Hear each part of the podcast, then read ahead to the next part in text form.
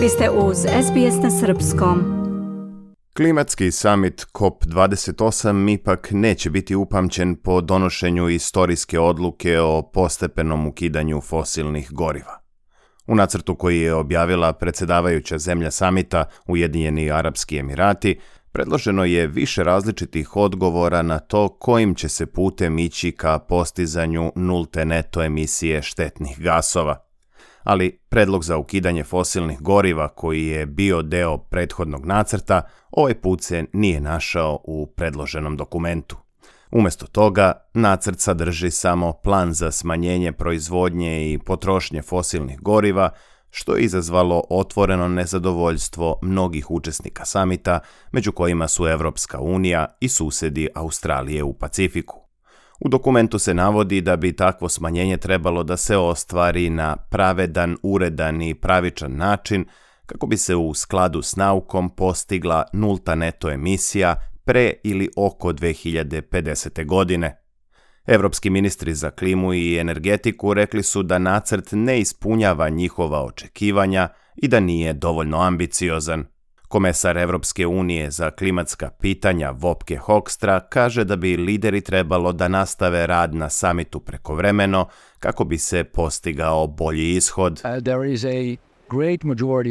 Hoekstra kaže da većina zemalja zahteva više od onoga što piše u dokumentu u smislu postepenog ukidanja fosilnih goriva i potpunog oslobađanja od uglja.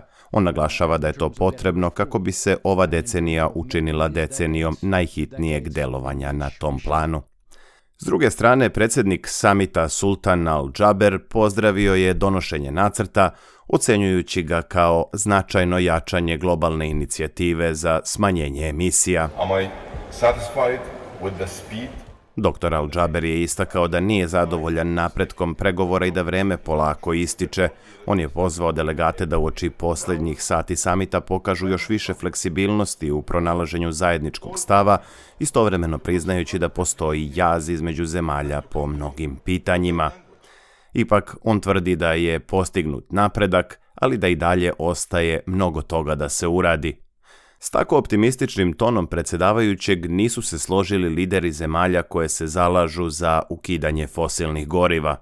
Ministar za prirodne resurse i životnu sredinu pacifičke države Samoa Cedric Schuster rekao je da nacrt teksta nije ni blizu onoga što je potrebno i da se njime rizikuje ugrožavanje napora za ograničavanje globalnog rasta temperature na 1,5 stepen u odnosu na predindustrijski nivo.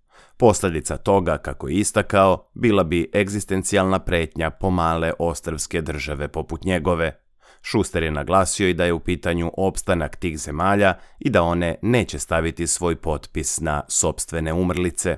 Kada je reč o stavu Australije, koja je jedan od velikih izvoznika fosilnih goriva, najavljeno je da će vlada povećati finansiranje pacifičkih zemalja u borbi protiv klimatskih promena – Ministar za energetiku Chris Bowen obavezao se tokom samita i da će Australija utrostručiti kapacitete obnovljive energije i udvostručiti svoju energetsku efikasnost.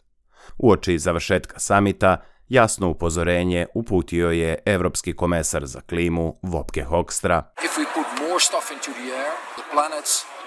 Ako nastavimo da šaljemo više emisija u vazduh, planeta će proključati. To je ono što ovde treba da sprečimo i zato moramo postići kompromis kako ćemo to ostvariti, rekao je Hokstra i naglasio da ne može biti rasprave o ograničenju globalnog zagrevanja do 1,5 stepen, kao ni o potrebi da se fosilna goriva što pre eliminišu.